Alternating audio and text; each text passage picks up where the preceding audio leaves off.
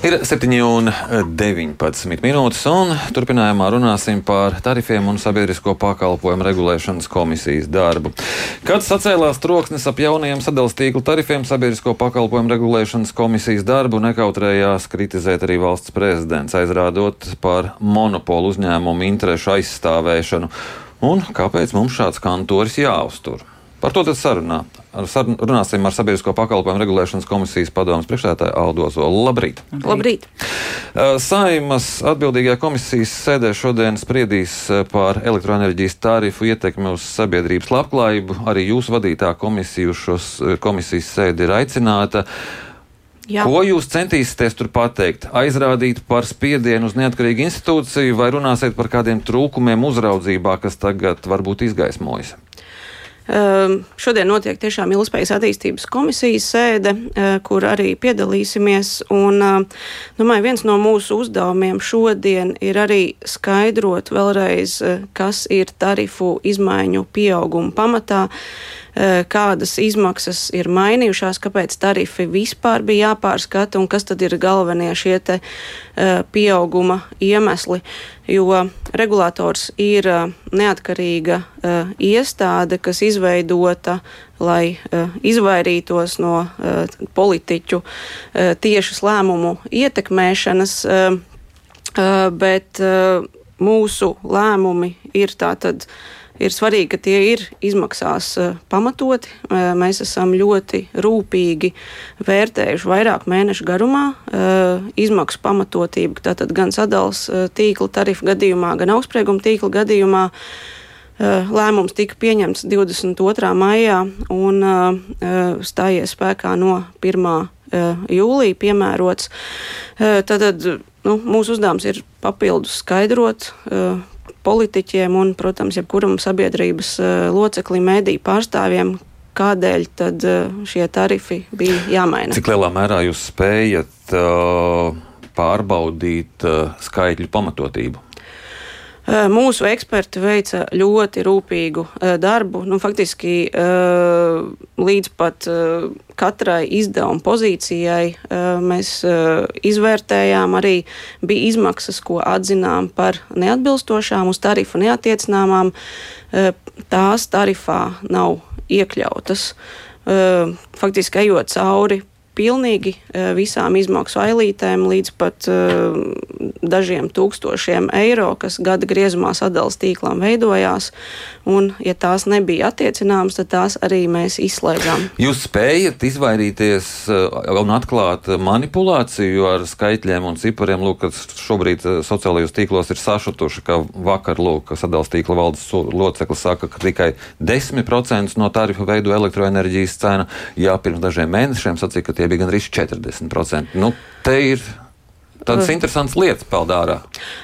Man grūti varbūt komentēt abus šos izteikumus, jo tad būtu jāklausās oriģinālā versija, bet tarifā, tiešām sadalījuma tīkla tarifā elektroenerģijas īpatsvars izma, zudumu sekšanai tiešām ir apmēram 10%. 10% no visām kopējām sadalījuma tīkla izmaksām, kas attiecās uz tarifu. E, mans pieņēmums, ka, kas varētu būt bijis domāts ar šiem 40%, ka tas ir e, pieauguma e, īpatsvars, proti lielākās izmaiņas izmaksās, kas arī veido tarifu pieaugumu, ir saistīts ar elektroenerģijas cenu izmaiņām, proti elektroenerģijas cena, par kādu sadalījuma tīkls iepērk šos zudumu apjomus. Eh, kas eh, atgādināšu pagājušā gada novembrī, kad sadalījuma tīkls sākotnēji nāca ar tarifu pieteikumu, bija, bija ļoti augstas.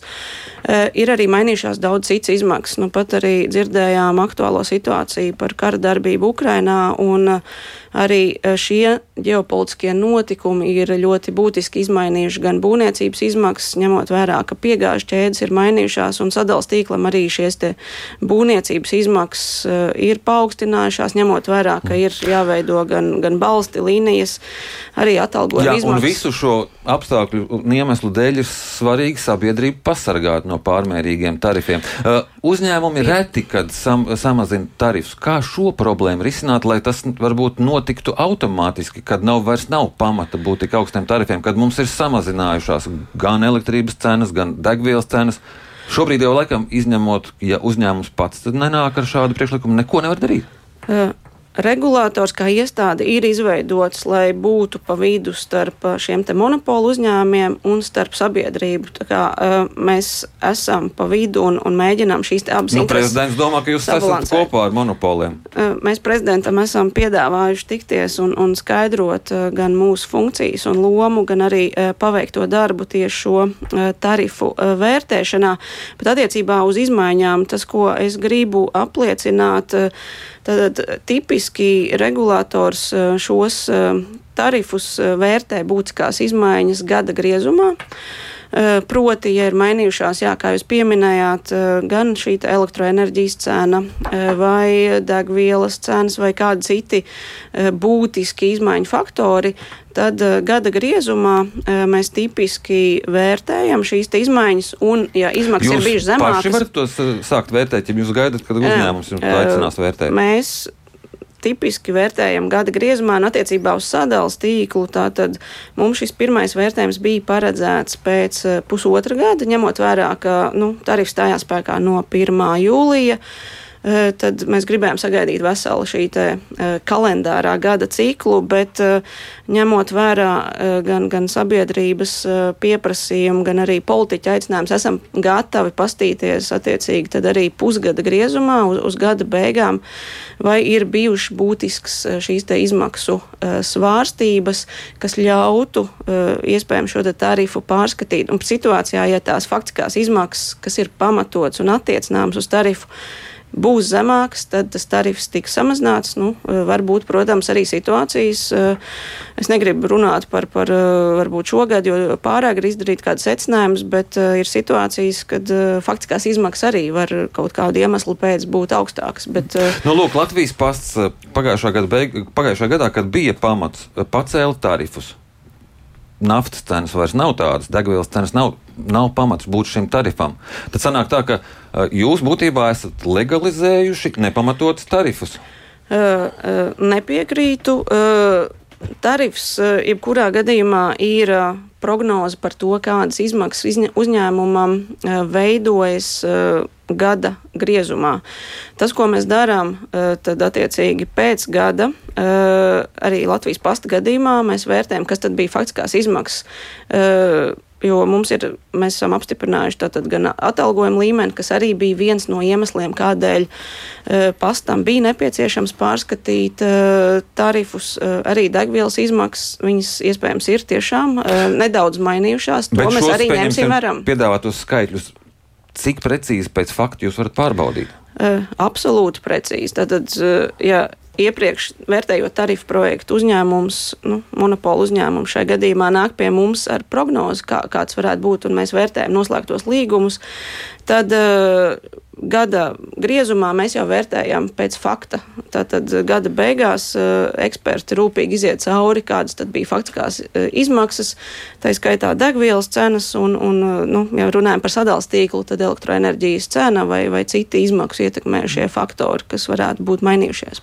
Bet, nu, tuvojoties apkursu sezonai, šobrīd uh, pašvaldību vai citi siltumapgādes uzņēmumi arī nāk pie jums ar ierosinājumu, ka varētu tarifu samazināt, jo tā reālā situācija nav tik slikta kā pagājušajā gadā? Uh, jā, uh, siltumu uzņēmumu uh, komersanti uh, nāk regulāri, uh, un tie, kas nenāk, un mēs redzam, ka ir mainījušās kurināmā izmaksas, jo tas ir ļoti būtisks uh, faktors, kas ietekmē siltumenerģijas tarifu, tad mēs tādiem uzņēmumiem atgādinām, ka viņiem ir jānāk un jāiesniedz uh, tarifu izmaiņu pieteikums.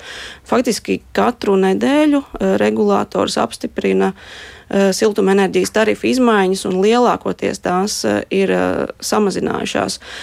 Ja pagājušajā gadā liela daļa tarifu bija virs 100 eiro par megawatu stundu, tad šobrīd pavisam neliela daļa, tad absolūti vairāko, lielākā daļa tarifu siltumenerģijai būs zem šī 100 eiro par megawatu sliekšņa, kas nozīmē, ka lietotājiem, kas, kas saņem siltumenerģiju centralizēto, būs nu, tie rēķini varētu mm. samazināties šajā apkurss sezonā. Un cerams, noslēgumā es gribēju vēlreiz precizēt, nu, tas, ko šobrīd arī jauno valdību veido izveidojot, runā par to, ka vajadzētu lēzanāku pārēju uz sadales tīklu tarifu pieaugumu pie tās pašas elektrības atgriežoties.